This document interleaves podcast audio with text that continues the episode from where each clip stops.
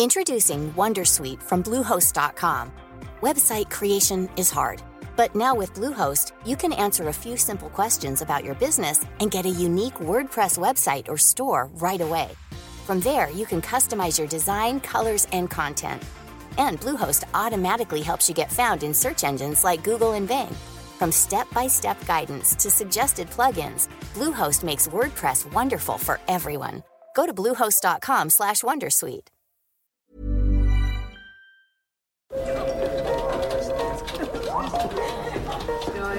Dette er lyden av norsk næringsliv.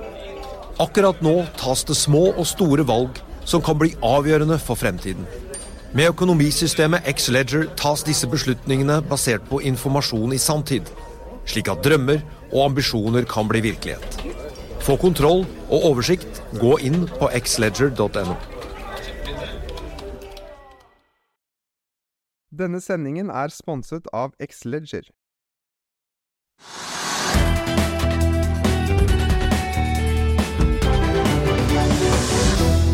Han som leder divisjonen i Nordea som vokser mest om dagen. Vi skal snakke med SAS og Avinor-sjefene, som begge sliter med økonomiske etterdønninger etter pandemien, samtidig som de må håndtere et stadig økende klimapress på bransjen sin. Og så blir det litt bilprat mot slutten av eh, sendingen. Men vi må begynne med markedet. Norse-emisjonen og andre nyheter som preger børsen i dag. Hovedindeksen er opp 0,2% nå. Vi har jo hatt flere dager med relativt solid oppgang. I går endte vi opp 1,1% Nordsjøoljen også solid opp 1,9% i spotmarkedet til 86,80. Vi har sett ganske store svingninger i den prisen siste halvannen ukes tiden. Det er jo da snart OPEC-møte 4.12., og så skal jo da etter planen Europas eller EUs får vi si embargo mot russisk råolje tre i kraft av 5.12., hvis ikke noe endres i siste liten. Den amerikanske lettoljen stiger enda mer. Den er opp 2,3 nå til 79,73 og snuser altså på den litt symbolske 80-grensen. Rundt oss i Europa så er det grønt i dag, med unntak av eh, børsen i Helsinki, som ligger omtrent i null. Og så er det jo da, får vi minne om, kort dag på Wall Street i dag, grønne thanksgiving. I går var markedet der borte stengt. Så er det flyselskapet Norse Atlantic, da. Vi hadde jo med gründer og konsernsjef Bjørn Tore Larsen i sendingen 22.9, og da sa han jo at de hadde mer enn nok kontanter til å komme seg gjennom vinteren. Men like etter at Flyr satte i gang en prosess eh, for å hente da det som til slutt kanskje blir 700 millioner kroner, så kommer altså Norse Atlantic etter. Det diskuteres jo nå flittig hos både oss og andre om emisjonen er litt eh, sitat, grisete, eller om dette bare er bra for selskapet. Men la oss gå inn og se på noen av detaljene i pakken som eh, ble lagt på bordet da etter børsslutt i går. Da annonserte Norse at de ville hente 300 millioner kroner, tilsvarende 30 millioner dollar, for å fylle opp eh, kassen i sitt britiske da, datterselskap, etter krav fra britiske myndigheter om at Norse måtte stille 46 millioner dollar inn i datterselskapet som en slags buffer, og som konsernet i Norge altså ikke får røre, gitt at de skal beholde da lisensen sin som de fikk i høst. Pengene i datterselskapet skal gå for, altså for å drifte og ekspandere virksomheten ut fra Gatwick, påpeker Norse. Og Norse sikret seg jo da tidligere høst både flylisens i Storbritannia også en godkjenning fra USA om å bruke denne lisensen til å fly inn. Og dermed slipper Norse denne litt kreative ruteplanen de har hatt frem til nå, der de altså flyr fra Oslo via London og videre til USA. Pengene skal hentes inn til 2,50 aksjen. Det er 40% under gårsdagens sluttkurs og kraftig ned fra de tidligere emisjonskursene vi har sett i flyselskapet. Norse Atlantic hentet jo først penger på 10 kroner aksjen før børsnoteringen, og så hentet de 1,3 milliarder til 20 kroner aksjen i fjor vår i forbindelse med noteringen på Euronext Growth. Tidligere Norwegian-sjef og gründer Bjørn Kjos har fått tegne seg for 5 millioner kroner, men størst er det sjefen selv, Bjørn Tore Larsen, som eh, er. Han sa seg villig til å tegne hele 200 av de 300 millionene som selskapet skulle hente. Han ender med 93, altså rundt 31% av emisjonen, som jo blir kraftig innvandrende for hans del. Han eier jo i dag da 12,8% av selskapet. Emisjonen var garantert, og når Sparebank Markets og Pareto har landet alt sammen, så vil garantistene få en provisjon på 7% og den betalingen skjer i aksjer og ikke i kontanter, kan vi jo merke oss. Så får vi også ta med en Vipco-aksjen på Oslo Børs. Vi hadde jo selskapets sjef her i Børsmorgen i dag. De kom med Q3-tallet i går som viste en rekordomsetning. Og gikk glipp av eh, det intervjuet hvor han snakker om både hvordan flere europeiske land nå etablerer panteordninger, og at de arbeider med å få på plass eh, finansiering for å finansiere all denne veksten, enten da gjennom gjeldsopptak eller en mulig emisjon, så finner du det på f1-tv. Eller så kan du som alltid også søke oss opp eh, ved å søke opp Økonominyhetene da, eh, i Apple Podcast, Podkast, Spotify eller der du hører på podkaster. Archer er ute med kvartalstall. De fikk et resultat før skatt på 3 millioner dollar i kvartalet. Et bruttodriftsresultat på 23 millioner, en omsetning på 240. Aksjen ligger ganske flatt i dag, så vidt ned en snau prosent nå. Konsernsjef Dag Skinlo sier at brønntjenestevirksomhetene leverte et rekordkvartal, og at de gode tidene vil fortsette. Selskapet skriver i kvartalsrapporten sitat at basert på vår ordrebok, kundenes aktivitetsplaner og et støttende makroklima, så ser vi en EBTA i 2023 som ligger 15-20 opp fra årets nivå, og vedvarende sterkere deretter, skriver selskapet om utsiktene sine. Oddfjell Technology, spin-offen fra Oddfjell Drilling, er også ute med tall. Den aksjen er opp nesten 10% på rapporten som viser et bruttodriftsresultat på 188 millioner av en omsetning på 995 millioner, noe som var langt over det i hvert fall det med Markets hadde lagt inn av forventninger i forkant. Aksjen steg også kraftig i går, opp 14,2 og endte da i går på 28,10. I dag ligger den nesten på 30 kroner og 50 øre. Og så har Avilko lenge kommet med en oppdatert utbyttepolitikk og har inngått en timecharter-kontrakt med et stort eh, utility-selskap med en verdi på 730 millioner dollar, og den aksjen tikker opp litt over 12% til 8 kroner og 20 øre. Så langt i år er den opp nesten 26% Vi er straks tilbake med dagens gjest rett etter dette. La oss i Finansavisen hjelpe deg med å holde deg oppdatert på alt som skjer i finans og næringsliv. Hver morgen er jeg, Marius Lorentzen, og aksjekommentator Karl Johan Målnes på plass i studio for å ta tempen på dagens marked i Børsmorgen. På ettermiddagen oppsummerer vi alt du trenger å vite i Økonominyhetene, og så får vi selvfølgelig besøk av masse interessante gjester.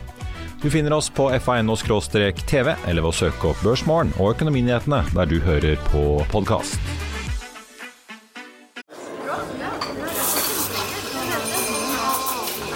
Dette er lyden av norsk næringsliv.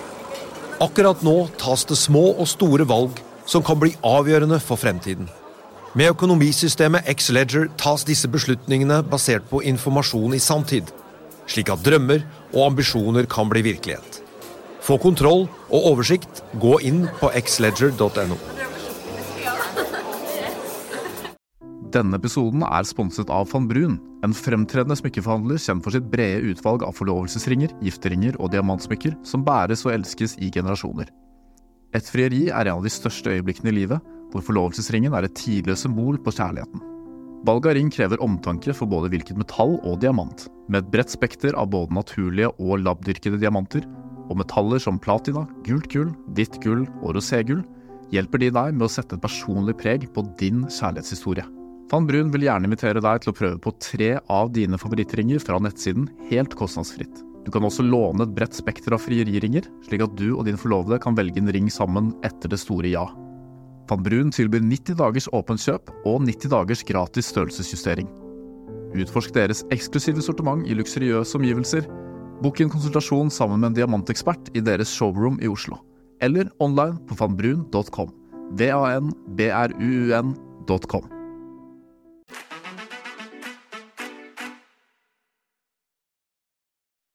Nå skal vi til eh, dagens gjest, som eh, leder en divisjon som vel generelt er i vekst om dagen. Torsten Østensen i eh, Nordea, leder for Private Banking og Asset Management. Velkommen. Takk for det.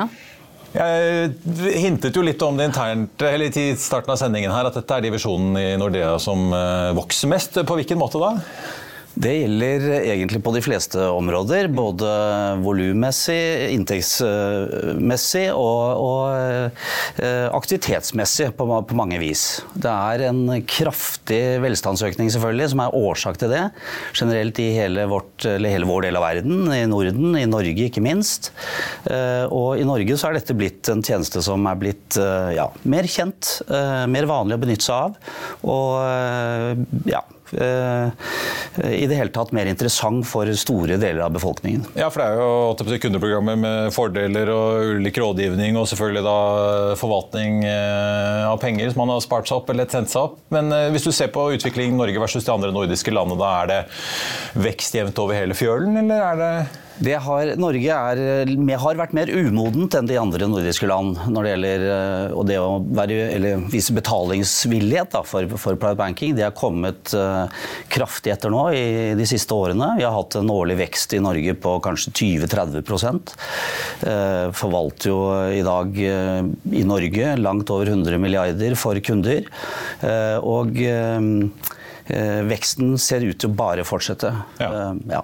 Ja, for dette er jo, jeg husker i hvert fall I gamle dager så hadde dere sånt, eh, litt sånn eh, minstegulv på 1 million euro som man måtte ha til eh, forvaltning. Er det ja, det, rundt sånn 10 millioner kroner ish oppover man snakker? Det kan du godt si. Det, er, det ligger rundt der.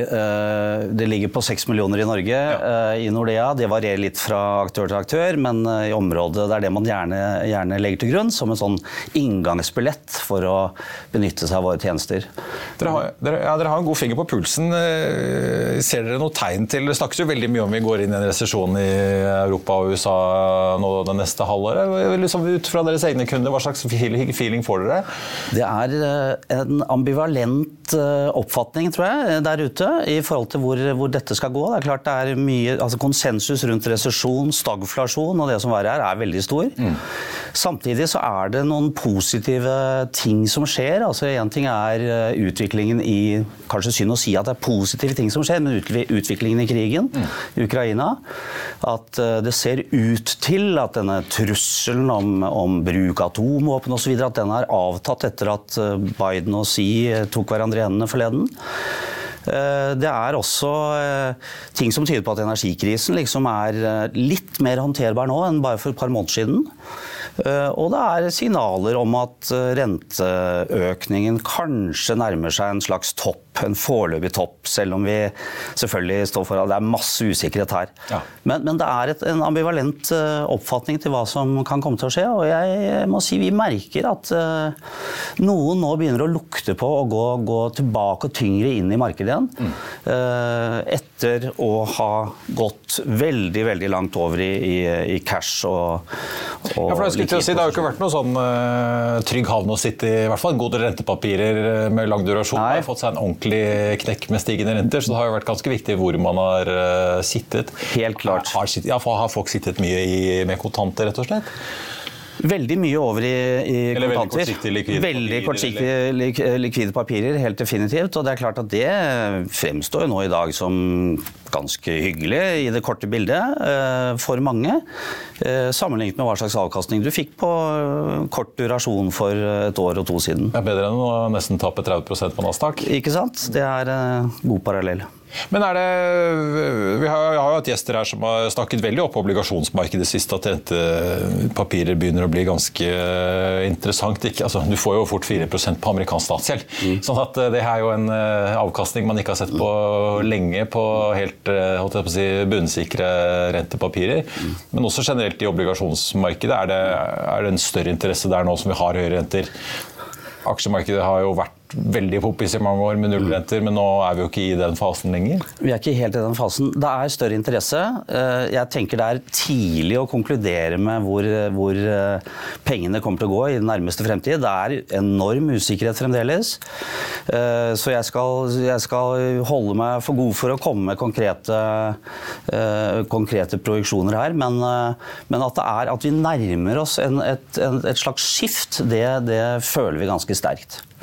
Jeg må jo spørre deg også eh, på slutten her, litt om måte, det, det, feltet dere tilbyr. Dere konkurrerer jo med selvfølgelig DNB og Danske mm. Bank og alle de store nordiske, mm. men uh, mange av de internasjonale bankene er jo også veldig interessert i større family offices. Ja.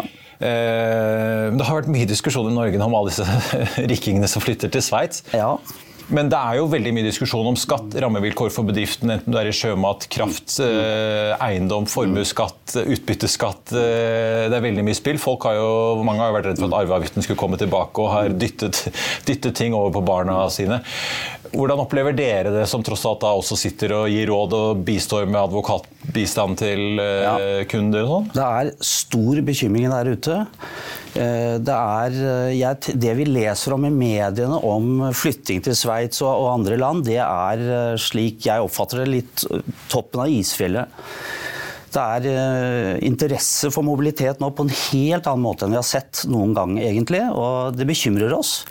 Fordi det er, uh, det er ikke noen rikmannsklubb som flytter til Sveits vi snakker om. Det er masse produktiv uh, både kapital og kompetanse som er på vei ut av landet. Mm.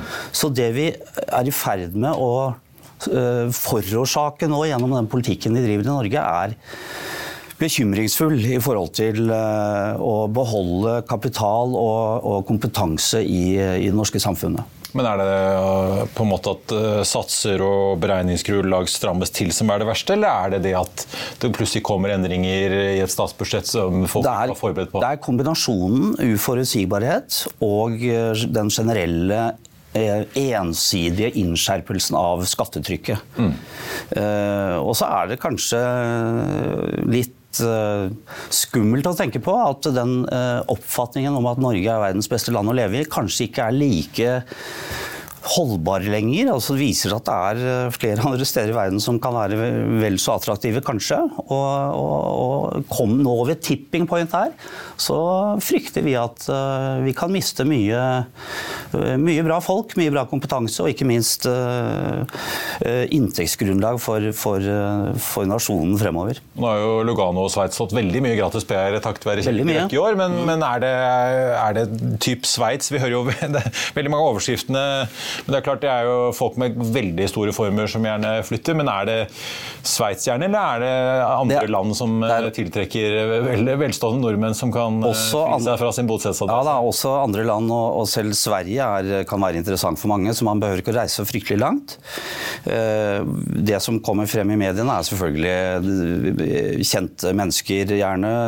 Veldig mye, mye pengesterke folk. Og, og, og Sveits er eksotisk fremdeles.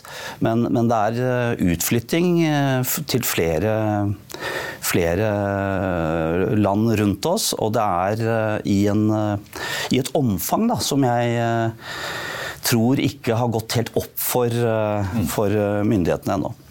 Torsten Østensen i Nordea, takk for at du kom til oss. Takk for, og god helg. Takk for det. Vi eh, skal opp i luften igjen, men det skal ikke handle om Norse North Atlantic, men SAS. I går var nemlig SAS-sjefen på Zero-konferansen i Oslo sentrum, og vi snakket med han om Chapter Leven-prosessen.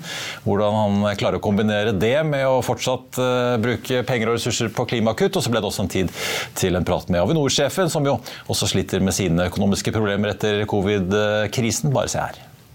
Anko Vanderwerf, CEO of SAS, uh, on location and also, I should say, at the Zero conference here at Oslo Plaza. Uh, we're going to get to the climate in a little bit, but I want to ask you about your Chapter 11 uh, process that's ongoing. When can we expect your big equity raise that you've indicated will be almost 10 billion Swedish kroner? Yeah, I think let's break it up in pieces. Good momentum in the SAS Forward program as we uh, as we are right. We've signed the pilot deal in the summer, and then of course very importantly the bridge financing, right? The the dip uh, with with Apollo, seven hundred million dollars, and very much, and we've put that out there over the last few weeks. The progress with the lessors, right, leading up to a billion Swedish kroner in savings. We are now packaging, preparing, and I think we'll launch that uh, equity raise somewhere beginning of 2023. Hopefully, still in January 2023. That's when we'll start. Looking at the European aviation space, uh, how do you sort of uh, view the investor interest in putting new capital into an airline like SAS at this time, when even though we're sort of on the way out of the pandemic and things seem to be settling down, the market is still challenging. Uh, jet fuel is very expensive. Uh, do you think you'll be able to raise all this equity? Yeah, I think we will be able to because we will show also that, of course, the cost out program that we're having is real, that the balance sheet cleanup is real, and that we really can reinvent ourselves as a company. And I think that is in the core what SAS Forward is about, right? Now, what you're then not going to change is all the good things about SAS brand, the product that we're having, the 7 million people in Eurobonus. So, really, there is very much a reason for SCS to be around, for SCS, of course, to come out stronger. And that is, in the end, I think, a very good story for investors. Moving forward now, you've said you estimate this Chapter 11 process to be done somewhere around maybe June, July next year, roughly 12 months after you initiated it. Uh, what are the most challenging parts to reaching your efficiency goals of, of seven and a half billion? You talked about the pilots agreement. Uh, you're discussing with lessors to cut costs on leasing. Um, are those the two biggest elements, or are there other things that are uh, even more challenging to, to sort of lock down to get that number? Yeah, the, the, the list of initiatives is really long. Um, this is between 250 and 300 different initiatives, so the team is working incredibly hard. The entire organization is truly focused on all of this, and really hats off to all of us in SAS, right? All the teams there, because we're running an airline, we're doing this process. There is still the ramp up, ramp downs, of course, over the last few years. So really well done, uh, well done on them. Um, some of the big ticket items you definitely touched upon, but there is so much more. Um, and, and, literally, I, am not going to list the 253 at the moment, but uh, initiatives. Um, how to use your aircraft, how to, in the end, build networks, of course, that work for us and that are efficient. How do we make sure that we tap into new generations of digital technology, um, technological developments? Um, a lot of pillars are underpinned by software, and, and that is something that we really believe in. And then on the revenue side, as we have said all along, right, the ancillary piece, for instance, massive for us, the massive opportunity that is out there, and very much that loyalty through Eurobonus. So all of that together is SAS's forward. Behind you, there's an illustration of what a future SAS plane uh, without emissions, I assume, could look like in the future. But according to your latest release now in the middle of November, you've reached agreements now with about, well, for 46 out of the 83 airplanes you've leased the rest you own. Can you tell us, or what can you tell us about how the SAS fleet will be looking when you actually exit this Chapter 11 process? Uh, will you still have over 100 A320 planes, and how many Link airplanes, and how big will your long haul fleet be? Yeah. So we've been very open about it. For instance, on the long haul, right? Given also Russian airspace closure and given the challenges of Asia as a whole over the last few years, certainly with COVID, um, yeah, that we will reduce some. Um, we will, of course, then look at when can you go back into Asia and how would you like to do that. Now we have those two aircraft types, the 330, the 350 over the long run, you would really try and see how you can merge that into one, right? One one aircraft type, which is of course then more efficient. On the narrow body side, yeah, the 320 Neo will still be the workhorse, if you like, right? It will be the core of who we are. We really try and maintain that 80 and maybe even go bigger. We do want to see how we can streamline also the rest, right? So that mid-size that we've spoken about. So now we're talking 20, 25, maybe 30 regional jets. Um, could be, and it depends also a bit on whether we could upgauge that to more 320 Neos, right? You, you still, of course, want to see what really is the best footprint for you at that point, and there's a lot of different things that come into play. Demand and the market being the first one, right? And that changed market after COVID. So there is still things that we're working, uh, yeah, working through. And I have to ask you, uh, even though we're at the climate conference, how are you able as a company to both prioritize uh, sort of your future and where you will sort of uh, land climate wise and what type of aircraft you fly and what fuel you use while at the same time being in, in Chapter 11? Very very simple. Um, chapter 11 is a process, like we said, that ends next summer. Um, this is the future, right? I mean, what, what, we're here for. This is, of course, not even multi years, but this is probably multi decades. Um, so yeah, that, that aircraft that you see here, that is an electrical aircraft um, with Heart Aerospace, right? One of our partners there. 2028 entry into service. This particular aircraft is a 30 seater. Their design is already up to 40, 50 seater. That will probably only be there in call it 10 years from now. So, hey, we're really looking at the future. SAS, as you know, and we've spoken about this before, is really one of the industry leaders in when it comes to sustainability. We've been there for years. We will stay there. And so balancing those two is, is really not a balance, if you like. It's not a decision either or. We have to get through chapter 11. We will expect to emerge, right? Call it next summer. And then, of course, also the future is again all about how do we become the relevant player, and sustainability is very much part of that. You talked on stage about the willingness uh, of customers to actually click that button and, and uh, pay additionally for uh, biofuel on their tickets, and it's not a very impressive uh, number. I know Airbus is working on hydrogen airplanes, but they might not be coming out maybe uh, not until 2030 something or 2040. Uh, in the meantime, obviously, sustainable aviation fuel is the industry's sort of one uh, big savior, it seems. Uh, but what do you need to get that percentage up from less than 1%? Yeah, yeah, no, great, great question. Look, I think there's there's things that we do as a company, and I think that was the question that you're referring to, the point that you're referring to on stage. Let me let me start there. Fleet renewal, right? Bill billions of dollars that we are spending. Then, secondly, making sure that there is right the regulatory mandatory parts of sustainable aviation fuel, the blending mandates that we're using at the moment. Now, Sweden, Norway, right, two percent leading the way in terms of sustainable aviation fuel that already we have to blend into uh, to, to our to our tanks, to our fuel tanks, right? Much higher than anywhere in the world. The rest of the world is pretty much at zero, and some countries are at 0.5. Then there is, let's call it voluntary schemes, and that is corporates, corporate accounts. There we really do have traction. So corporates are more and more willing to make sure with us to have packages of sustainable aviation fuel that they buy on top of, and none of that money goes to SES. That money goes to buying more sustainable aviation fuel on top of the mandatory requirements.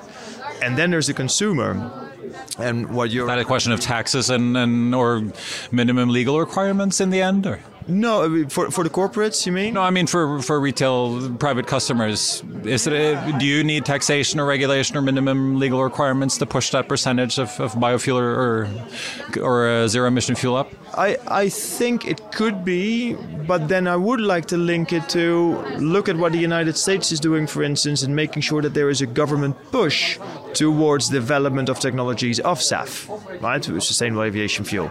We need more of it. It is very expensive at the moment and is very limited. So if we want to, and that was also my point on stage, it's not about a lack of willingness, it's not about a lack of effort, but this is about a lack of ex- access to and, and volume of sustainable aviation fuel.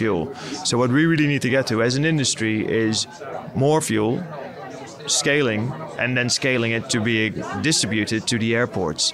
And then definitely I think that consumer switch of making people part of it and, and people wanting to buy it themselves also as part of a ticket will come. Right now, indeed, that willingness seems to be quite low. Abraham Foss, konsernsjef i SAS. Du var på scenen her med SAS-sjefen eh, og beskrev jo ganske ærlig også at ja, det er masse mye å gjøre på klimafronten, men eh, dere opererer jo også en bransje, og dere betjener en bransje som jo også sliter med dyrt drivstoff. Mange har store finansielle problemer, inkludert SAS eh, og Flyr. Er det noe investeringsevne i denne bransjen til å faktisk utvikle nye drivstofftyper og kjøpe inn nye fly med ny teknologi? Altså Hvis du tar eh, lange bilder, så ville det sikkert vært det. Men eh, hele poenget er at vi egentlig har eh, dårlig tid.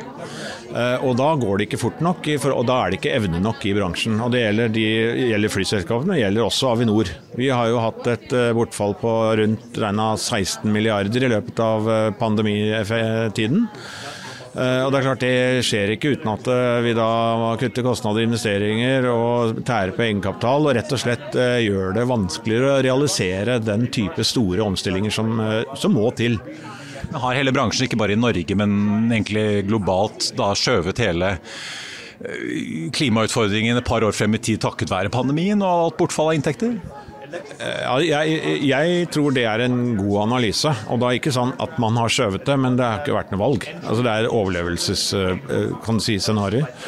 Eh, så jeg tror, er, jeg tror, det er, viktig som premiss om at det er ikke snakk om å realisere bærekraft, langsiktig bærekraftig luftfart på på dagens løsninger. Det er veldig mye som skal tas fram. altså Det er veldig mye som må utvikles over tid. Basert på kjent teknologi, men det, må, det er mye som må utvikles.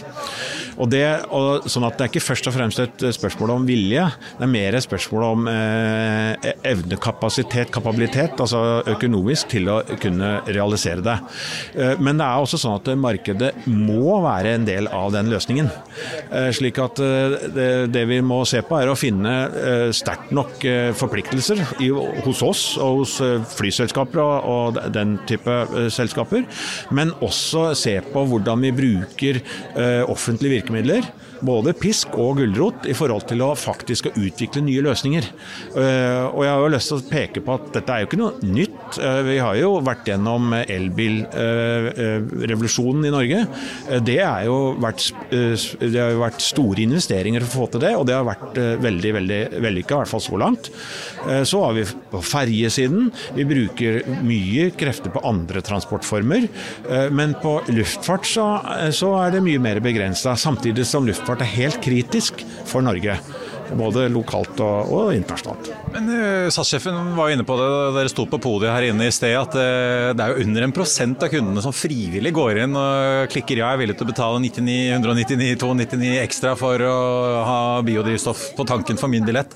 Han sier det er noen selskapskunder som gjør det fordi selskapene har den policyen, men betalingsviljen i privatmarkedet er ganske laber. Hva er det da som skal til eh, hvis bransjen skal på en måte være med resten av næringslivet og nå klimamål i de neste par tiårene? Må det da enten inn med minst, mer minstekrav eller skattlegging, eller? Ja, så det, det, det, illustrerer jo veldig godt at det er en viss eh, avstand mellom hva vi som forbruker sier at vi er opptatt av, og hva vi faktisk er villige til å betale for. Og Det viser jo noe av dilemmaet aktørene har i forhold til å, å bruke markedskreftene og, og finansiere det den veien. Samtidig så er det ikke noe valg, man må gjøre det også. Så jeg har ikke noe tro på at det er én, én, ting. Jeg tror det er veldig mange virkemidler som må brukes.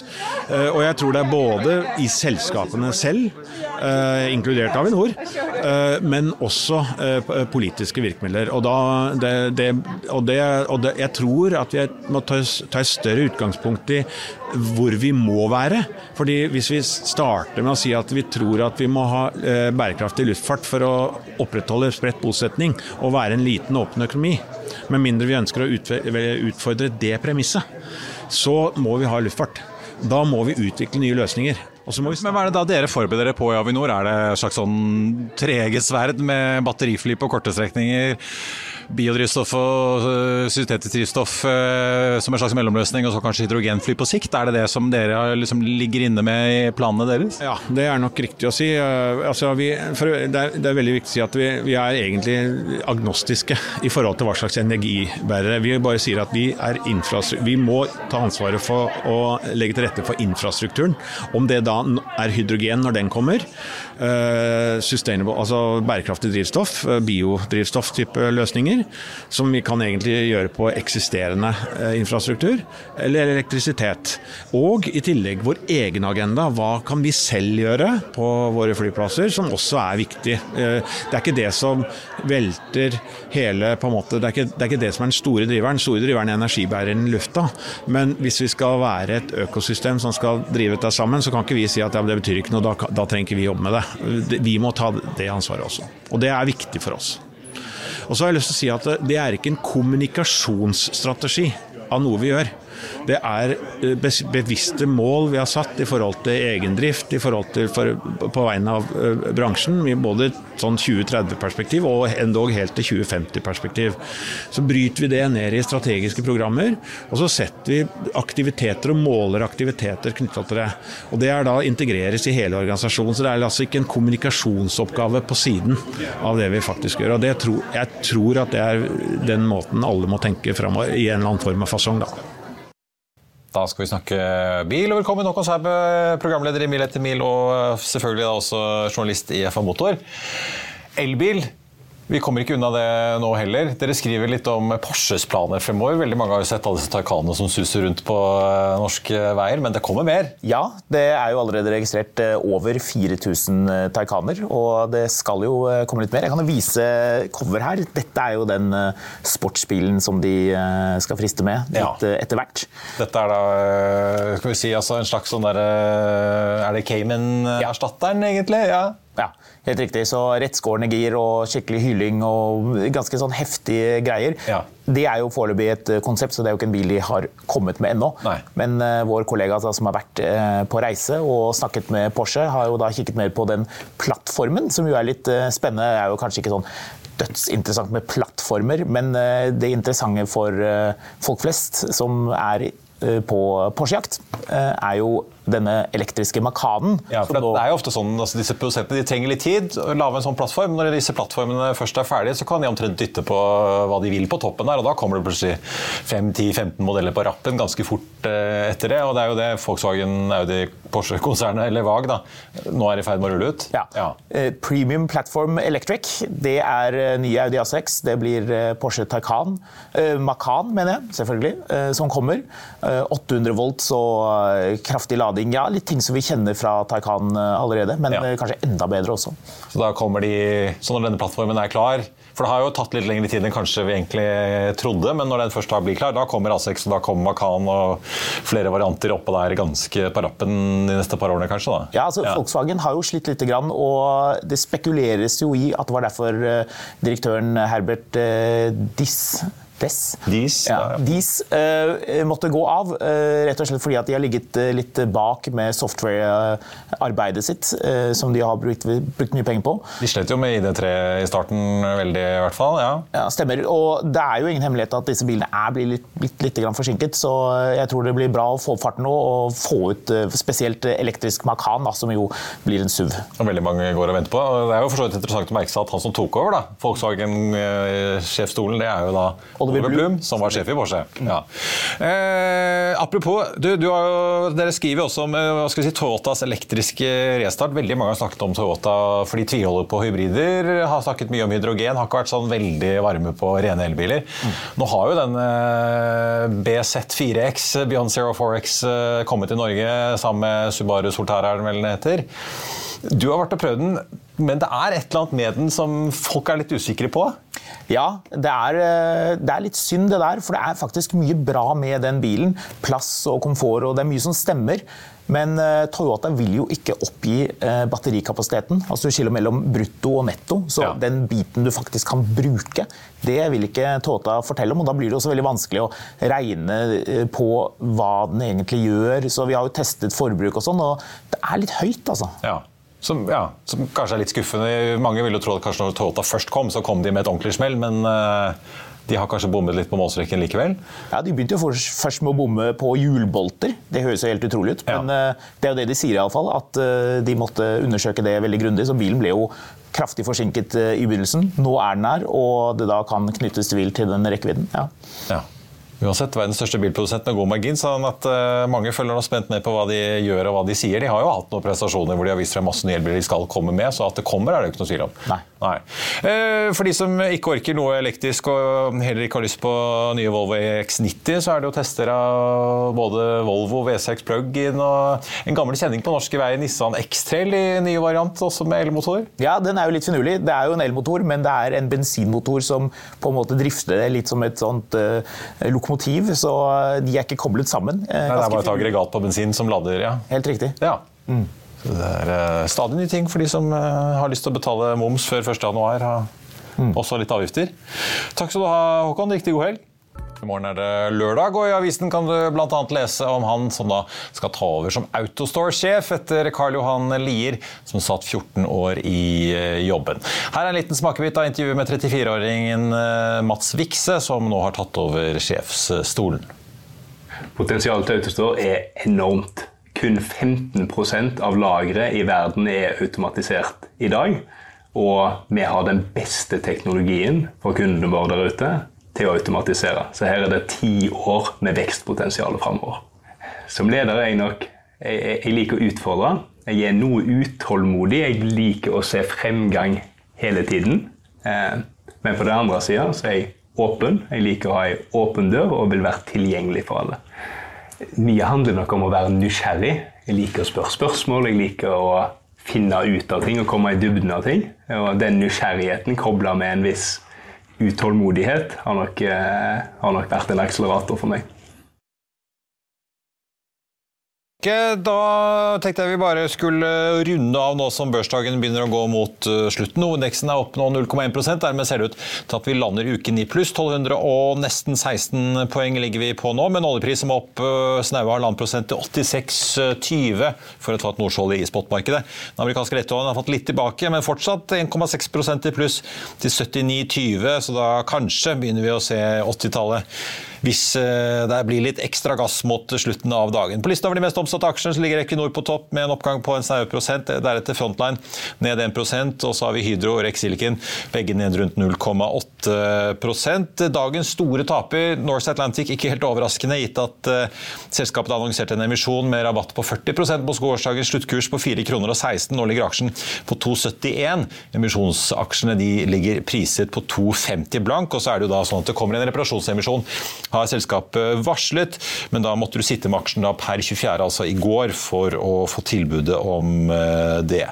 Ellers så er det jo uh, sånn at Envipo, da, som vi snakket med i morges, som da denne Tomra-utfordreren, som nå driver og pønsker hvordan de skal finansiere jakten sin for finans, jakte, da, si, finansiere inntreden sin i nye europeiske markeder. Eh, den aksjen er nå opp 7,8% til 31,80. Får vi også nevne da, i og med at vi har snakket om Norse, eh, Flyr ligger eh, nå uendret i dag, men den aksjen fortsatt godt under emisjonskursen deres på ett øre aksjen. De ligger nå på 0,69 øre per aksje. Så har det da kommet kvartalstall fra Oddfjell Technology i dag. Den aksjen er opp eh, hele 8,4% steg jo også mye i går. Og så er det Archer som hadde veldig mye fart Eh, etter deres tallslipp ved starten av børsdagen i dag. Nå har de falt litt tilbake, men ligger fortsatt opp da en snau eh, prosent, får vi si.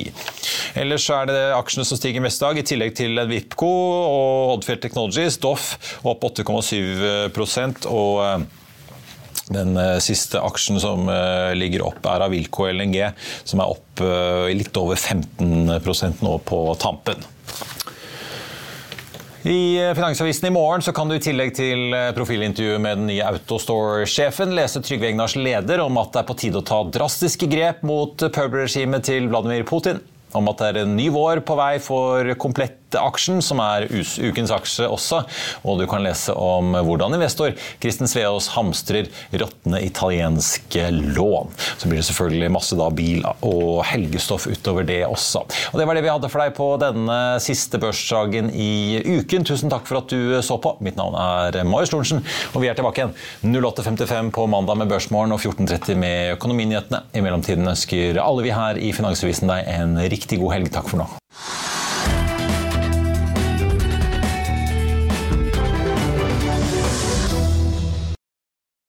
Denne sendingen er sponset av Xleger. Økonominyhetene er en podkast og videoproduksjon fra Finansavisen. Programleder er Marius Lorentzen. Aksjekommentator er Karl Johan Molnes. Produsent er Bashar Johar. Podkast- og videoansvarlig er Marius Mørk Larsen. Og ansvarlig redaktør er Trygve Hegnar.